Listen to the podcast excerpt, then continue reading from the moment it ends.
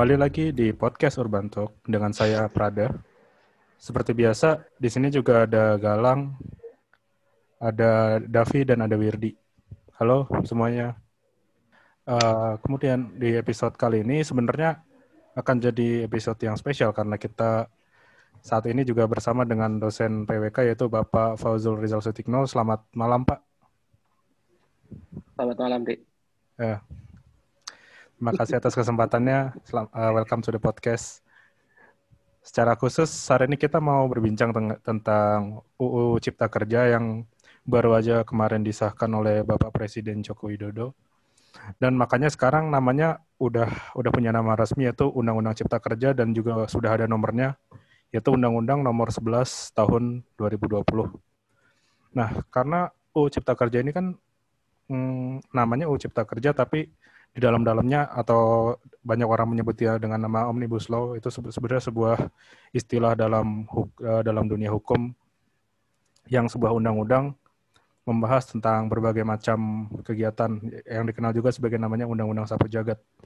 Nah, salah satu yang dibahas itu adalah tentang tata ruang. Di sini juga uh, banyak dibahas, uh, eh, banyak dibahas dan menimbulkan kontro, uh, semacam apa ya, semacam kontroversi juga di dalamnya.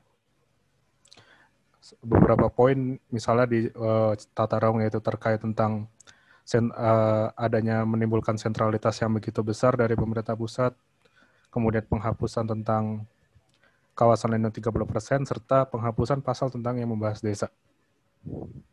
Kemudian, eh, gini Pak, kalau misalnya dari Bapak sendiri, kan ada beberapa pasal nih yang misal eh, yang menurut banyak orang itu menimbulkan adanya sentralitas. Nah, misalnya kita ke poin yang pertama dulu, yaitu terkait tentang di, di pasal 8, yaitu ada pemberian bantuan teknis penyusunan rencana tata ruang provinsi, wilayah kabupaten kota dan RDTR itu ada bantuan bantuan teknis dari pemerintah pusat. Nah, kalau adanya bantuan teknis ini sendiri bagi pemerintah daerah ini apa, apakah berjalan bagaimana ya Pak? Maksudnya apakah positif atau negatif atau keduanya dan seperti apa nanti kira-kira? Ya, baik, uh, terima kasih. Um, ini ngomongnya santai ya, Prada Mas kan? Ya santai Pak. Mau santai. Ya, jadi kalau karena ngomongnya santai, janji mau mengiklankan podcast saya mana ini? Di akhir nanti, Pak. oh, di akhir ya. Baik, baik, baik. Ya, jadi kalau teman-teman dengerin podcast saya tuh isinya nggak kaku ya, isinya tuh ada guyon dan juga kadang-kadang saya bisa ngasih uh, hadiah, hadiah di akhir podcast ya, itu tanda tangan biasanya. Nah, jadi begini, um, um, yang namanya Undang-Undang Cipta Kerja, jadi saya kan sebelum dimulai direkam tadi, mulai direkam ini, sempat ngobrol-ngobrol sedikit nih dengan teman-teman pengelola podcast himpunan. Um, saya bertanyanya gini, uh, sebagai mahasiswa, nah, di mana podcast ini harusnya menjadi tujuan dari dibuatnya podcast ini, teman-teman ini mau menjadi evaluator, apa mau menjadi adop adop orang-orang yang mengadopsi Undang-Undang Cipta Kerja ini, atau yang paling menguntungkan nih berada di dua sisi, kakinya berada di dua sisi yang menjadi evaluator, yang nyalah-nyalahin, tetapi menjadi uh, adop adoptor, gak enak ya kalimatnya ya, adop pengadopsi. Oh, pengadopsi ya. Adaptor. Oh, adaptor, adaptor. Atau ini lebih uh, power bank, menjadi power bank. Nah ya, um, me, kan lebih baik kakinya tuh ada di dua sisi, ada di dua sisi kakinya. Nah, uh, coba kita lihat dari fakta dan kebetulan saya kan lagi suka ikut dan salah satu yang diuntungkan dengan adanya pandemi yaitu semua ber, ber, ber, berplatform webinar termasuk bagaimana uh, sosialisasi sosialisasi sosialisasi yang dilakukan oleh uh, pemerintah pusat terhadap pemerintah daerah dan kebetulan saya punya uh, link yaitu istri saya yang ada yang suka ikut webinar-webinar karena uh, yang bersangkutan kerja di Kabupaten Malang. Nah, hmm. pemerintah pusat ini jadi yang namanya ber, berdiri dalam di, di dua sisi ini kan harus melihat pertanyaannya adalah mengapa ada bantuan teknis tersebut. Nah, yang menarik adalah pada waktu salah satu ikut webinar ini, namanya sangat birokrasi sekali webinarnya, saya lupa, adalah um, dari target 2000 RDTR di Indonesia, itu yang untuk menjadi perda, yang disyaratkan untuk menjadi perda, itu mohon maaf kalau salah ya, sekitar 60 baru 60 sampai 70 yang jadi perda. Dan baru 70 sampai 80-an itu yang telah melewati persetujuan substansi. Mungkin teman-teman bertanya tuh apa persetujuan kalau Perda pastilah ya sudah menjadi kekuatan hukum. Bisa orang-orang yang melanggar bisa dipidanakan dengan kalau berdasarkan Undang-Undang 26 yang lama. Kalau persetujuan substansi itu apa? Jadi bahwa ada saringan nih yang namanya RDTR biar nggak asal bikin kan disaring nih. Nah, Sayangnya disaringnya oleh teman-teman di kementerian. Nah, 2000 berapa orang sih yang mau nyaring RDTR yang dibuat oleh seluruh pemerintah kabupaten kota di Indonesia? Nah, sehingga yang ada cuma baru segitu, nggak sampai 10% dari 2000 RDTR yang dibuat, yang yang harusnya ada, nggak sampai 10% yang siap lah, nggak usah ngomong jadi perda, yang siap. Nah, salah satu dasar dari mengapa ada bantuan pemerintah pusat, jadi kalimatnya seperti ini nih. Pak Dirjen yang ngomong waktu itu. Saya um, pada saat UUCK keluar, pada waktu UUCK belum ditandatangani itu ya, belum jadi. Pada UUCK keluar, saya uh, pada saat pemerintah kabupaten kota tidak mampu membuat RDTR, pemerintah akan masuk apakah dalam bentuk peraturan pemerintah atau perpres. Nah, saya sebagai kalau orang kalau defensif pasti wah gila nih semua di padahal harusnya kan perimbangan kekuasaan antara pusat dan daerah nih kan. Yeah. Nah, iya. tapi dasar ternyata dasarnya dari situ bahwa dari 2000 yang diinginkan ada nggak sampai 10% yang jadi. Itu. Tapi itu akan menjadi sebuah loophole tuh kalau istilahnya. Kalau istilahnya di di orang-orang kebijakan itu itu jadi loophole tuh. Kalau saya pemimpin uh, kepala daerah di kota metro atau kota besar, RDTR akan menjadi sesuatu yang penting untuk saya mengikat mengikat eh, orang-orang uh, yang bergerak di bidang finansial di tempat saya agar tidak asal gitu bikin macam-macam di tempat saya. Tapi misalkan nih, nggak saya tidak perlu memberi contoh daerahnya di mana. Misalkan saya bupati di kabupaten di yang miskin, ya kabupaten yang miskin. Saya bikin RDTR nggak? Kalau saya kembalikan ke teman-teman anggaran saya daripada daripada saya kalau orang saya orang politik nih ya pertanyaannya nih ya pertanyaannya ya kalau saya orang politik ya mending saya bikin jalan periode berikutnya saya dipilih lagi karena desa-desa miskin di tempat saya aksesnya terbuka atau anggarannya saya bikin ke RDTR. Nah, kalau ternyata dengan adanya kebijakan ini, ini jadi peluang nih kalau saya bupati di tempat yang anggarannya nggak terlalu besar, ya aku pura-pura nggak bisa dibikin RDTR deh. Nanti pun dibantu sama pemerintah pusat. Dan RDTR di tempatku tuh gampang, mau jalan mek siji, jalannya cuma satu, koridornya cuma satu gitu. Apa, apa ribbon development kayak gitu kan. Jadi sesuatu yang ini. Maksud saya, ya, nah, kalau di sini kan berarti kita sudah mulai berpikir bahwa ada dua kaki nih. Ya, evaluator dan power bank yang tadi. Apa? Hmm. Adaptor, adaptor. adaptor adapsitor, adapsitor, nah, adapsitor. ya gitu menurut pada saya untuk, untuk awalnya ya, tapi menurut pendapat Prada bagaimana atau teman-teman yang lain? Uh, tadi kan Bapak bilang kalau misalnya apa kalau mis uh, mungkin ada beberapa daerah yang apa ya terkesan mungkin kayak menomor dua kan gitu Pak atau gimana menomor dua kan dari si RDTR-nya itu? kalau misalnya dari daerah yang apa ya memiliki belum memiliki kemampuan banyak gitu. Mm -mm. Nah gini, makanya saya tadi kembalikan nih. Uh, ini kebetulan di depan saya ini kan ada lima orang nih ya, yang namanya Werdi, Prada, Galang, sama Davi.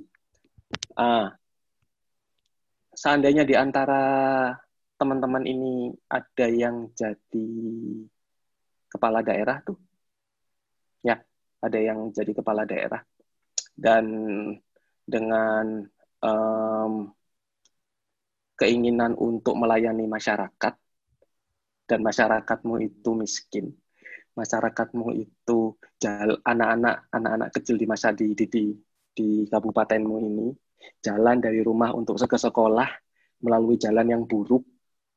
Ya, jalan ini kan salah satu keputusan politik yang infrastruktur politik yang jualannya paling gampang nih. Jalan sama air bersih. Ya nggak sih? Jalan sama air bersih. Nah, uangmu dikit.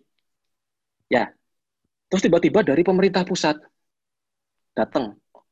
Sebelum ada UUCK nih, sebelum ada UUCK nih, harus bikin RDTR. Nah, sedangkan Pak Bupati ini um, berasal dari golongan yang bukan non teknis misalkan.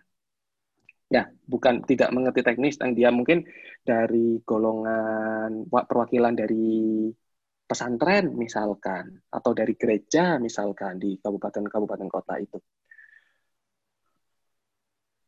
Logikanya kalau kita menempatkan diri di posisi mereka, apa sih RDTR, RDTR, RDTR? Rakyatku ini miskin.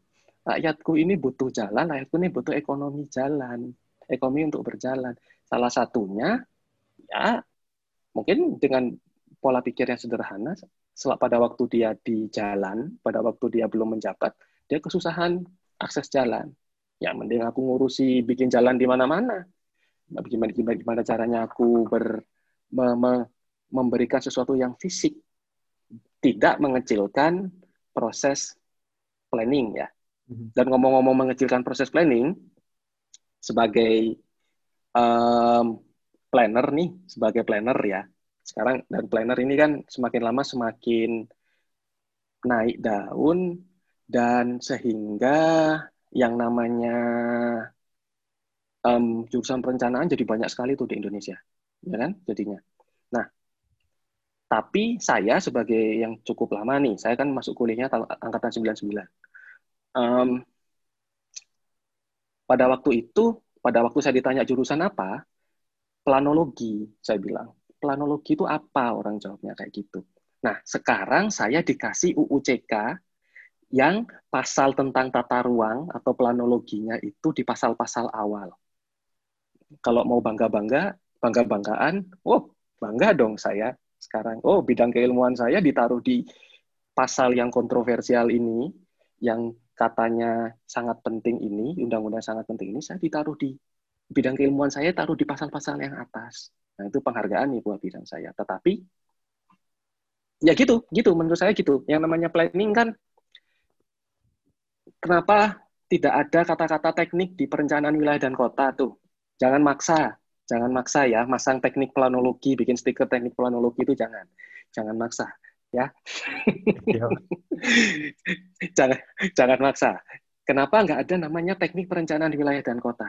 Di belahan dunia apa pun, ya yang namanya kita tuh namanya city and regional planning atau urban and regional planning tidak ada tidak ada engineeringnya karena kita memang bu, tidak berada pada ruang lingkup yang saklek terlalu saklek kita tuh punya bidang ilmu kita itu ada rentangnya gitu loh ada kayak eh, apa ya kalau diistilahkan itu area untuk area abu-abu untuk bergoyangnya itu. Nah, gimana kita melihat UUCK itu dari loophole-nya, dari gray area-nya ini, menurut saya. Dan bagaimana, dan setelah itu pertanyaan selanjutnya tujuan tujuan teman-teman ini apa? Mau jadi uh, tenaga teknis? Oke, okay, silahkan. Bagaimana abu-abu ini diakali untuk mempermudah kerjaan teknis? Ya, atau kalau memang pengen jadi orang yang pro pur, pro rakyat miskin, nah bagaimana ini yang abu-abu ini dipakai? Nah, contoh tadi saya tadi yang bupati tadi itu, contoh contoh sederhana tadi itu, Kan beliau menjadi mencoba menjadi pro pur tuh, pro yang pro kemiskinan, pro rakyat miskin dengan mengakali nih, oh bahwa pemerintah pusat tuh bisa ngasih saya RDTR, gak perlu lah aku nganggar no RDTR angel-angel. Misalkan seperti itu ya. Terus nanggepin ini Pak, tadi kan Bapak sempat ngasih semacam uh, data di awal dari berapa ribu tadi Pak yang daerah yang ada RDTR tadi? Uh, setahu saya targetnya tuh 2000 kalau katanya si Pak Dirjen. 2000 dan baru ada 66 yang sudah ada perda. Baru ada ya 60 sekian yang ada perda. Intinya yang yang yang siap itu belum sampai 10 persen. Hmm. Mungkin ini juga ber, berhubungan sama pasal 18. Jadi pasal 18 ini intinya pemerintah pusat itu mau bikin semacam percepatan pengesahan RDTR. Jadi terutama pasal hmm. 18 ayat 3 ini bilang bupati atau wali kota wajib menetapkan raperda kabupaten kota tentang RDTR paling lama satu bulan setelah mendapat persetujuan, persetujuan substansi. Tapi kalau misalnya hmm. lebih dari satu bulan, itu disebutin di ayat 4 dalam hmm. dalam hal tidak menetapkan RDTR setelah jangka waktu yang yang ditetapkan di ayat 3, RDTR ditetapkan oleh pemerintah pusat. Hmm. Hmm. Apa pendapat saya? Uh, kalau sebagai misalnya, Iya, tapi kan ya, yang ya. ayat 4 ini kan RDTR ditetapkan oleh pemerintah pusat. Itu apakah apa ya? Benar-benar hmm. langsung pemerintah pusatnya yang masuk dengan segala kepentingan-kepentingannya atau bagaimana? Hmm. Ah, itu pertanyaan yang bagus sekali nih dan pengamatan yang bagus sekali kalau menurut saya. Saya sebagai uh, pengelola podcast Raja Gajah Merah daripada nunggu diiklanin di belakang saya mengiklankan diri sendiri di tengah-tengah ya biar tidak dihapus. Nah, Jadi um, gini, begini. Jadi uh, yang menarik lagi nih. Jadi makanya saya tuh senang kalau teman-teman itu mencoba mendekat ke dua spektrum ya. Jadi kalau sekarang kan berpikirnya uh, pro kesejahteraan rakyat. Nah, tapi juga dilihat dari sisi birokrasinya. gini, jadi mungkin ceritanya lagi tuh yang yang webinar tadi itu. Saya senang sekali bisa dapat webinar kemarin tuh karena sangat birokrasi. Jadi di UUCK atau nanti mungkin di turunannya ya, di turunannya UUCK di peraturan pemerintah atau yang lain peraturan menteri um, disebutkan kata si Mbak Dirjen kemarin tuh kan sekarang perda untuk saat sampai terakhir kemarin tuh RDTR tuh menjadi perda peraturan daerah. Perda ini um, biaya politiknya mahal. Karena uh, saya tanyakan ke perprada nih atau yang lain ya perprada atau yang lain nih saya tanya saya tanya dikit aja untuk untuk melihat seberapa besar nih pengetahuan uh, mahasiswa PWKUB uh, terhadap birokrasi untuk sebuah rancangan peraturan daerah. RDTR kan setelah jadi itu yang tebel-tebel buku tebel dengan peta warna-warni gak karuan itu. Um, jadi itu kan jadi raperda itu, ya enggak? Yeah. Rancangan peraturan daerah. Nah, raperda untuk jadi perda harus diapain? Harus melalui apa kira-kira? Menurut teman-teman. Harus disetujui siapa deh? betul sekali disetujui oleh DPRD. nah, biaya politiknya untuk DPRD ini kan macam-macam orangnya dan nah saya sudah cerita ini nih di podcast saya ya mohon dicek ya teman-teman. Nah ini uh, biaya politik untuk mer, me, menggolkan sebuah rancangan perda menjadi peraturan daerah itu sangat tinggi karena DPR ini kan macam-macam orangnya dalam tanda kutip. Hmm. ya kan? Ngelobinya susah dalam beberapa puluh orang atau ratusan beberapa puluh orang atau seorang yang harus harus dilobi nah makanya makanya begini ini ini ini logika saya sebagai ini ya saya menempatkan diri sebagai sekarang sebagai uh, menteri nih atau dirjen yang di pemerintah pusat yang frustasi bahwa ini RDTR sudah bertahun-tahun dari tahun 2007 dimintanya dari Undang-Undang 26 tahun 2007 keluar. RDTR baru jadi segini, gini lah. Apa sih masalahnya? Saya menduga bahwa RDTR yang yang dalam bentuk raperda untuk jadi perda itu biaya politiknya mahal. Biaya politik mahal itu bisa dalam bentuk uang, ya, uang yang banyak ditangkep-tangkepin kemarin itu, atau juga waktu. Nah, waktu ini kan melobi itu kan juga butuh waktu, melobi DPR. Ayolah Pak disetujui ini RDTR. Loh, gampangnya kalau wakil masyarakat dalam tanda kutip kan punya kepentingan. Yang paling orang yang paling wakil-wakil masyarakat yang paling ideal pun sekarang tetap akan menganggap bahwa saya tuh mewakili masyarakat kecamatan A. Nah, kecamatanku ini cuma disuruh jadi kamu suruh jadi kuning tok. Padahal saya pingin di sana gampangnya DPRD kan berpikir yang namanya mall itu tarikan ekonomi tuh. Kenapa nggak kamu kasih guna lahan mall di sini? Nggak mau saya. Itu waktu toh yang namanya perda itu. Nah, Makanya di UUCK katanya Pak Dirjen, belum kata saya ya. Nanti kita akan ini akan menarik sekali untuk diteliti di di ke depannya. Nah, kalau katanya UUCK diturunin tuh PRDTR bukan perda lagi, tapi perkada. Perkada itu peraturan kepala daerah. Nah, menurut setahu saya, mohon maaf kalau salah yang mendengarkan acara ini, kalau saya salah, Nanti saya akan revisi kalau saya salah di podcast saya yang tadi, yang saya iklankan di depan tadi ya. nah, um, jadi jadinya peraturan kepala daerah. Nah, peraturan kepala daerah ini tidak memerlukan persetujuan dari Senat, dari DPR, dari PRT. Nah, makanya keluarlah tadi yang 18 yang disampaikan oleh Prada tadi. Um, pada saat setelah pertujuan substansi itu dapat, persetujuan substansi itu dapat, ya itu kalau tidak sudah tidak dirasa tidak perlu ada uh, tarik ulur dengan DPRD, mungkin dirjen atau orang-orang di kementerian itu menganggap bahwa satu bulan itu cukup.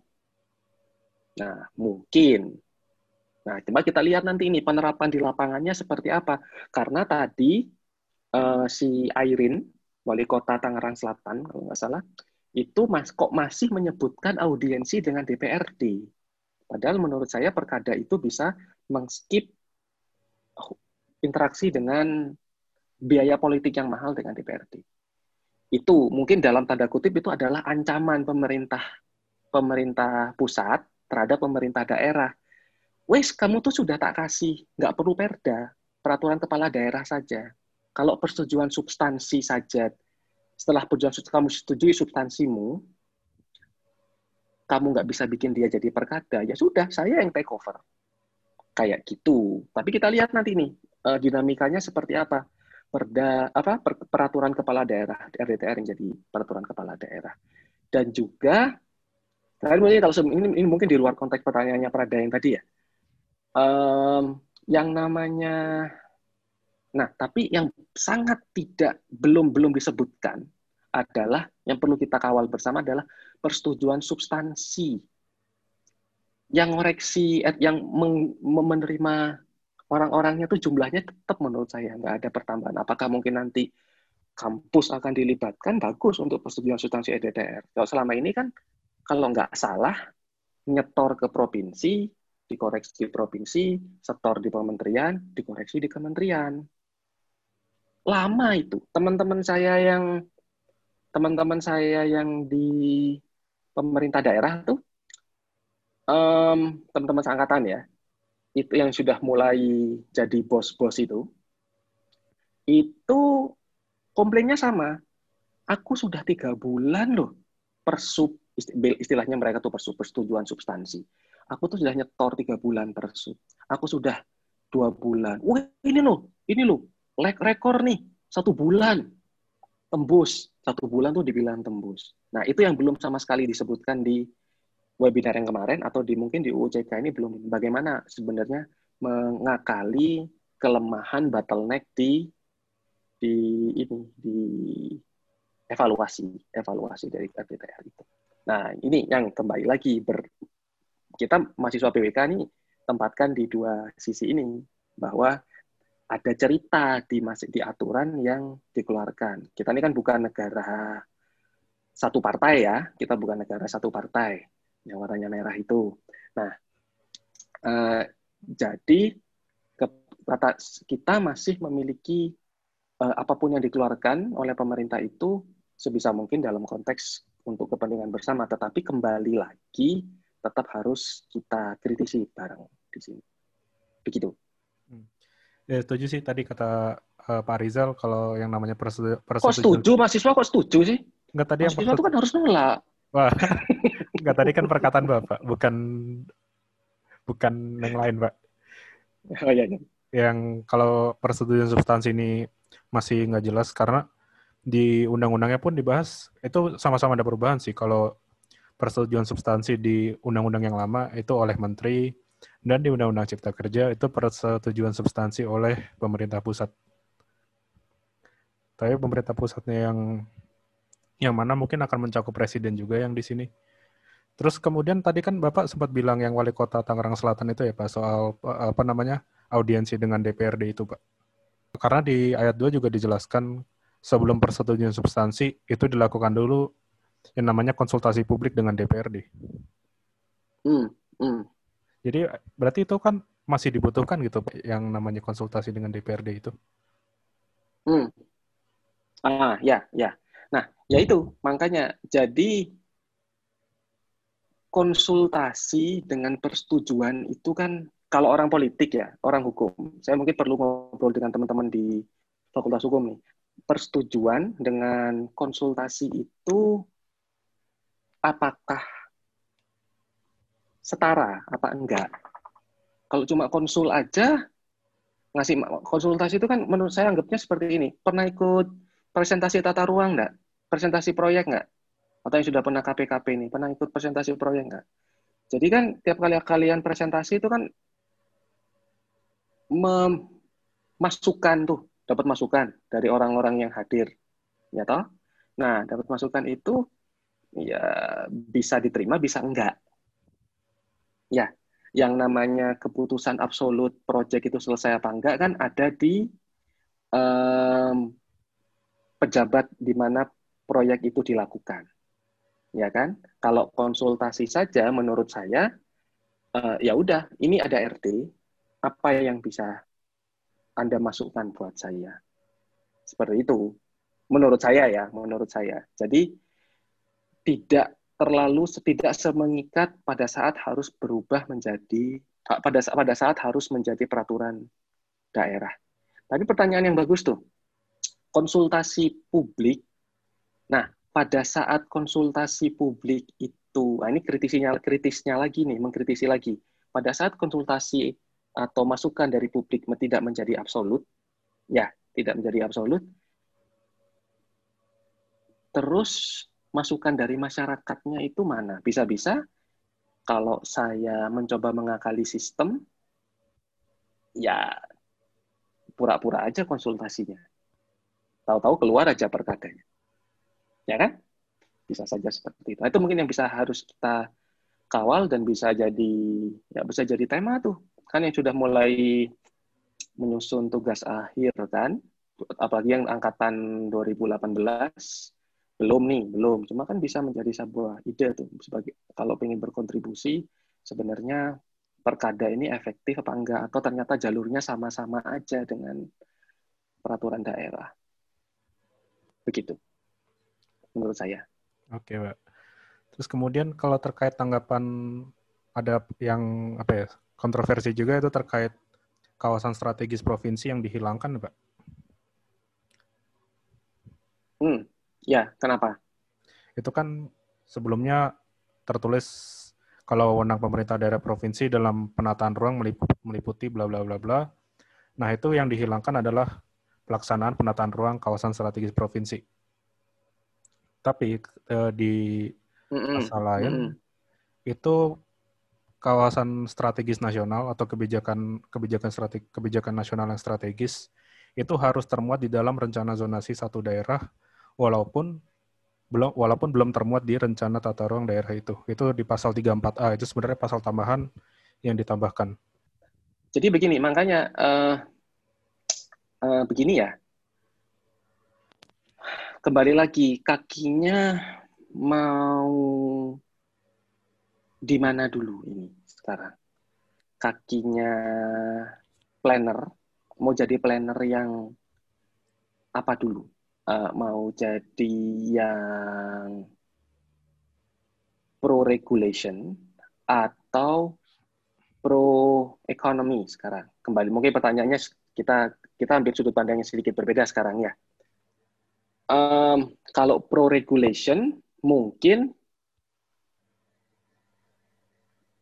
pernyataan Prada tadi benar tuh, bagus tuh kok hilang tuh yang namanya kawasan strategis provinsi, tapi kalau ada sesuatu yang urgent bisa langsung dimasukkan. Betul gitu ya, Prada ya. Tadi soalnya putus-putus lagi itu.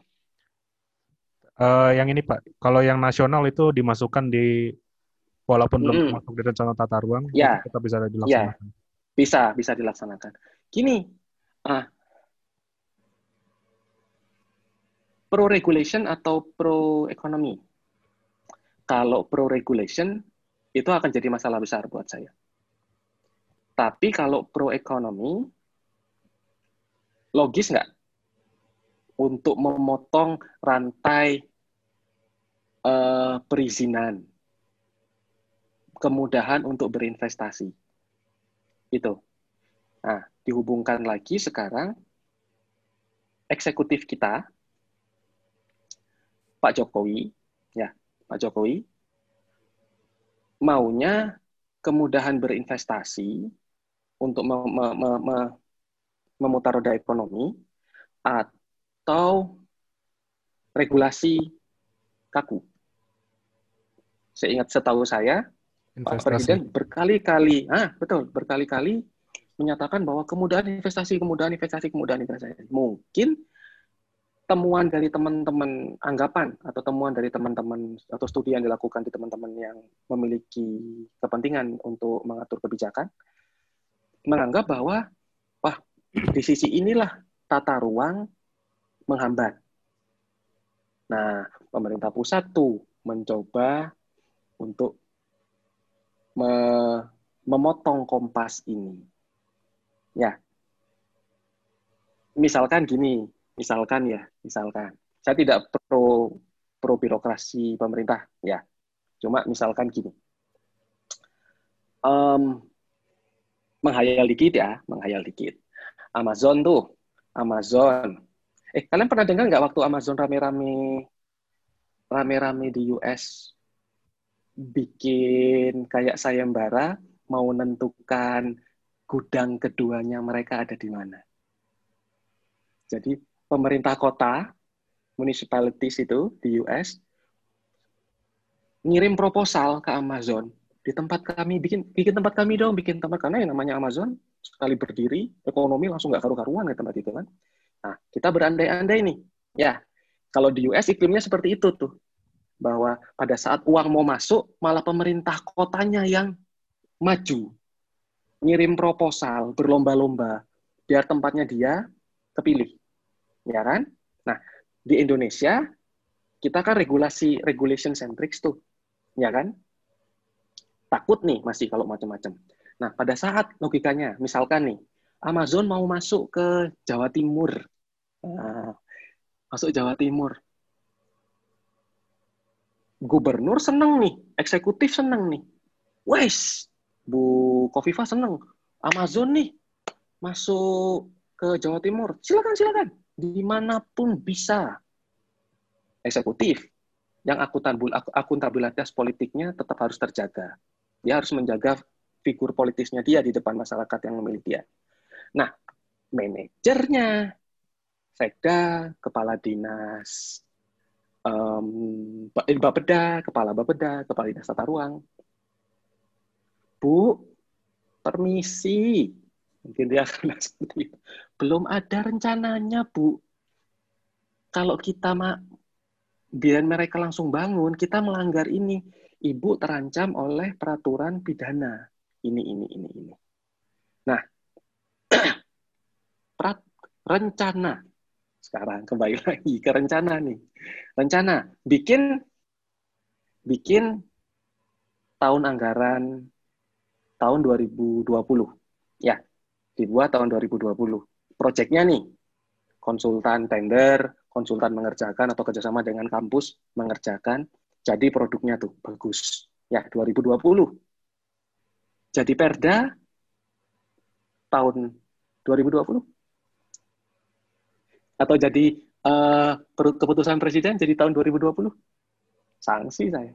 2021 paling cepat. Ah, maksudnya tuh mau masuk. 2020. Nah, itu rantai birokrasi yang harus dipangkas. Pola berpikir positifnya, pemerintah berjaga-jaga kalau ada yang seperti itu ingin masuk. Nah,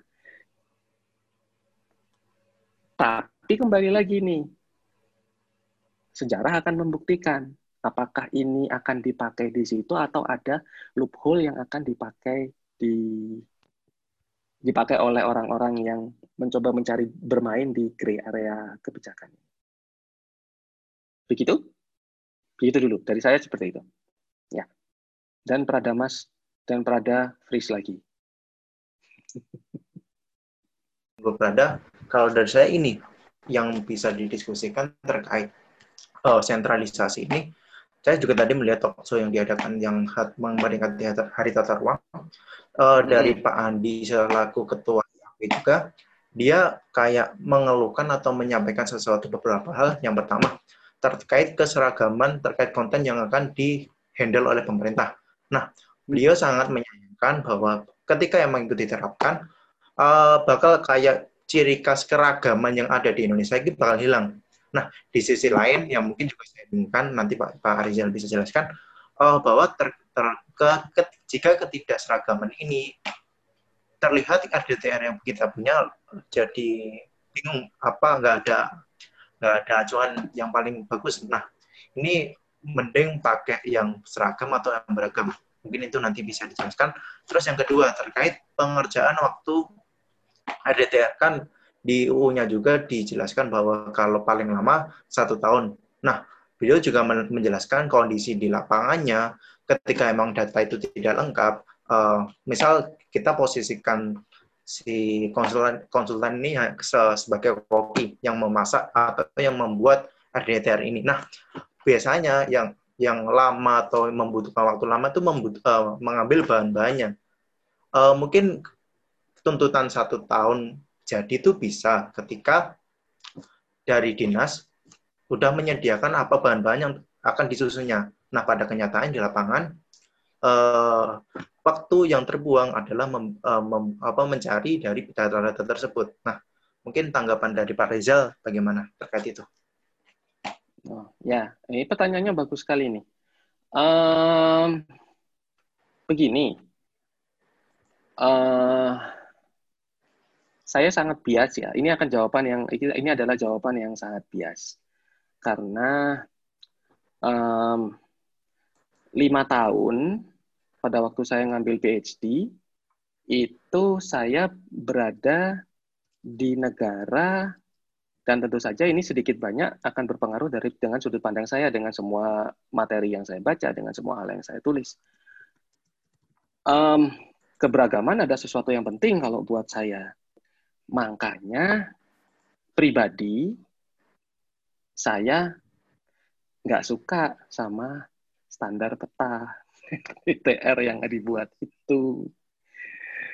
Itu buat saya, ini saya pribadi ya, saya pribadi. Dan itu siapa dengan ketua IAP mungkin saya cukup setuju dalam dengan dia, tapi saya dalam konteks yang um, begini loh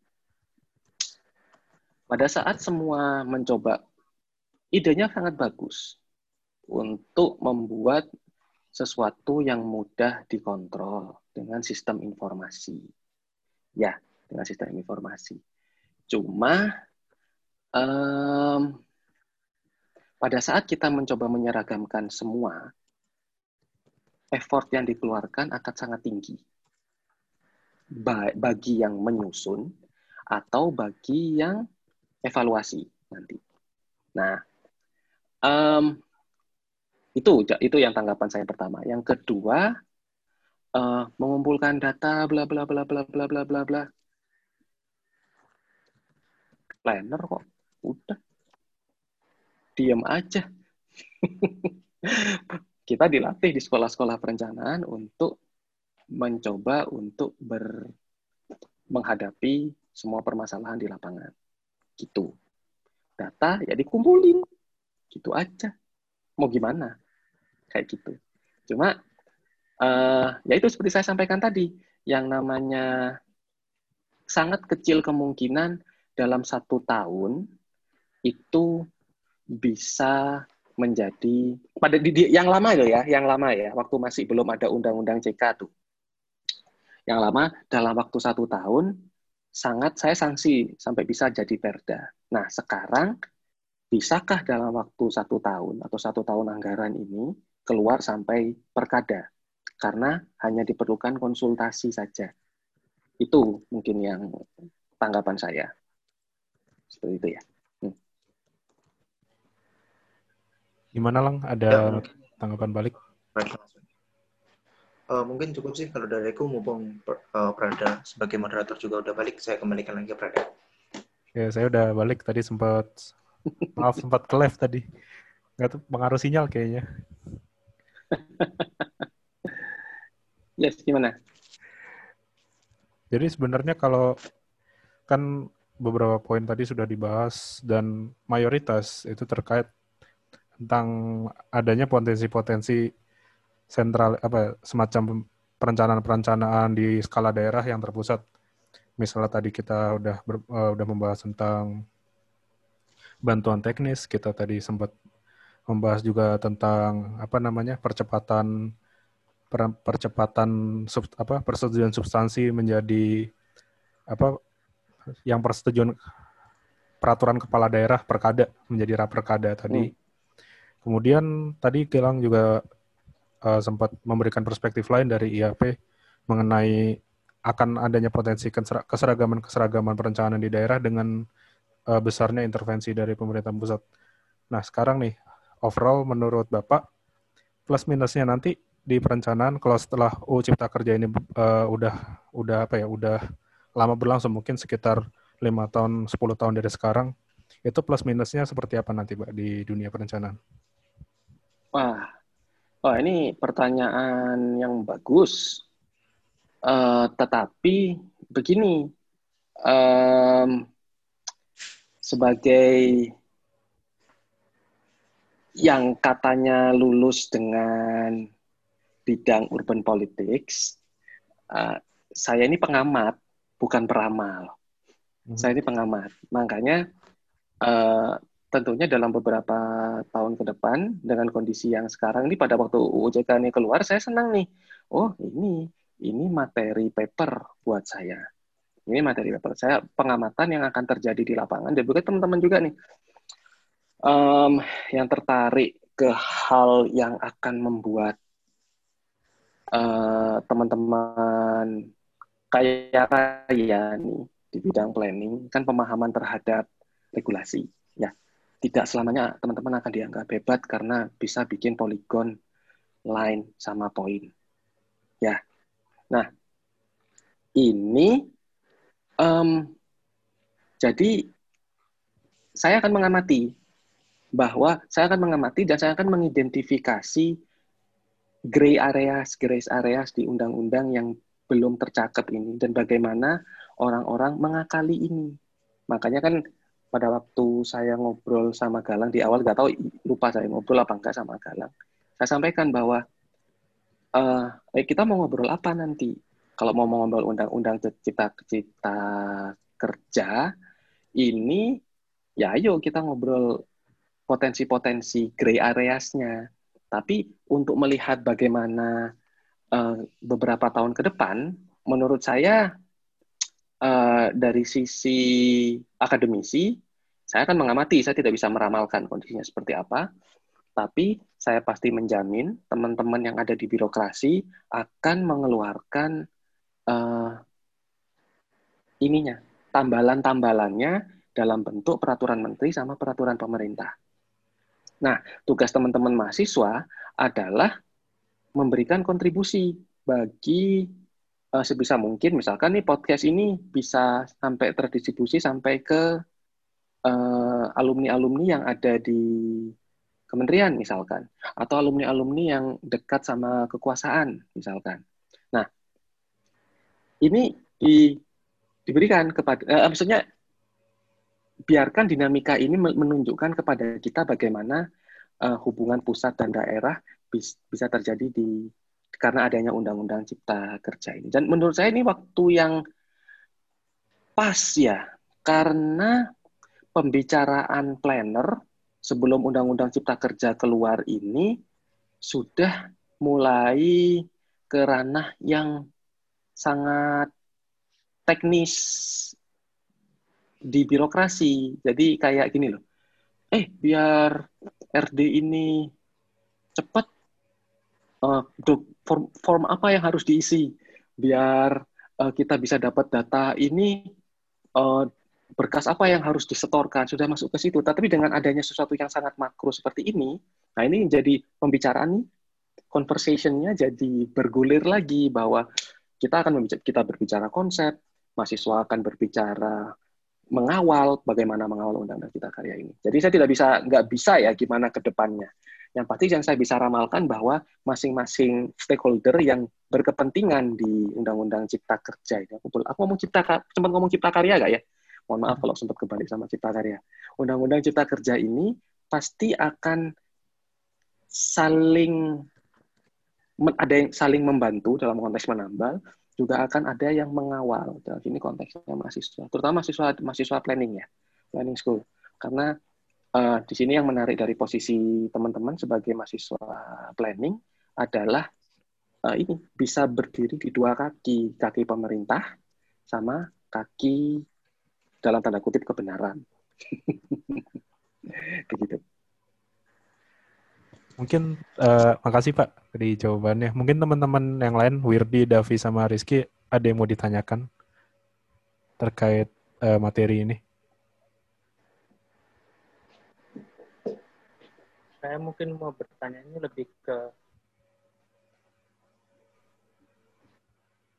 entah mungkin mohon maaf kalau emang salah. Uh, berarti mana untuk adanya UU Cipta ini terutama yang terkait sentralistik dan pemangkasan terkait misalnya tadi konsultasi publik dengan DPR yang dihilangkan dan sebagainya itu apakah jatuhnya menegaskan atau melegitimasi bahwa perencanaan di Indonesia itu bakal top down atau seperti itu atau bagaimana Pak? Soalnya kan eh, beberapa kali yang mungkin yang pemahaman ini mungkin pemahaman saya ya mungkin uh, bisa dikoreksi itu beberapa untuk sejak tahun 8 mungkin tahun 80 atau 80 ke atas itu perencanaan mulai mengarah ke bottom up planning ya walaupun terdapat beberapa permasalahan dan terkait adanya juga konsultasi publik kalau menurut saya awal konsultasi publik yang melibatkan banyak stakeholder itu bisa jadi salah satu contoh dari bottom up planning dan mungkin lebih mengkonfirmasi aja apakah memang adanya UU Cipta Kerja ini bakal berubah kembali perencanaan itu menjadi top down. Gitu. Hmm. Ya, ah, pertanyaan yang bagus sekali. Uh, terlalu sederhanakah kalau saya bisa bilang iya saja dulu? Iya saja dulu. Iya saja dulu. Ya, makanya tadi saya uh, um, planner planning school, planning school association, ASPI atau uh, planner association IAP saya harapkan punya suara yang cukup bagus untuk mengawal ini. Gitu aja. Dan teman-teman mahasiswa juga uh, dan ini menurut saya akan menjadi yang, di, yang disampaikan oleh Rizky tadi, ini akan menjadi sebuah kesepakatan umum menurut saya di antara mahasiswa perencana Indonesia. Dan saya ingin lihat ininya, ombaknya nih bagaimana nanti. Semua di antara lima teman yang di depan saya ini pasti berpikirnya sama nih, ya. Top down nih, sentralistik, sentralistik. Nah, ini akan menjadi pastinya dan juga planning school yang lain, mahasiswa di planning school yang lain juga pasti akan berpikir yang sama. Nah, dan ini pasti akan terdengar kepada pemegang kebijakan. Nah, tapi mumpung sesama PWKUB nih ya, sesama PWKUB, ya, ini kan akan jadi isu umum nih. Nah, suaranya mahasiswa PWKUB yang lebih spesifik apa? Yang pertama nih, kan no top-down planning. Ya, no centralistic planning. Nah, suaranya yang kedua nih apa nih? PWKUB masyarakat eh mahasiswa PWKUB uh, add-on-nya apa yang memberikan ciri teman-teman yang yang harus dikawal di penerapan undang-undang cipta kerja. Itu kalau saya. Ya, apakah Arsenal atau apa sih yang di belakangnya Pradani? Aku nggak ngerti.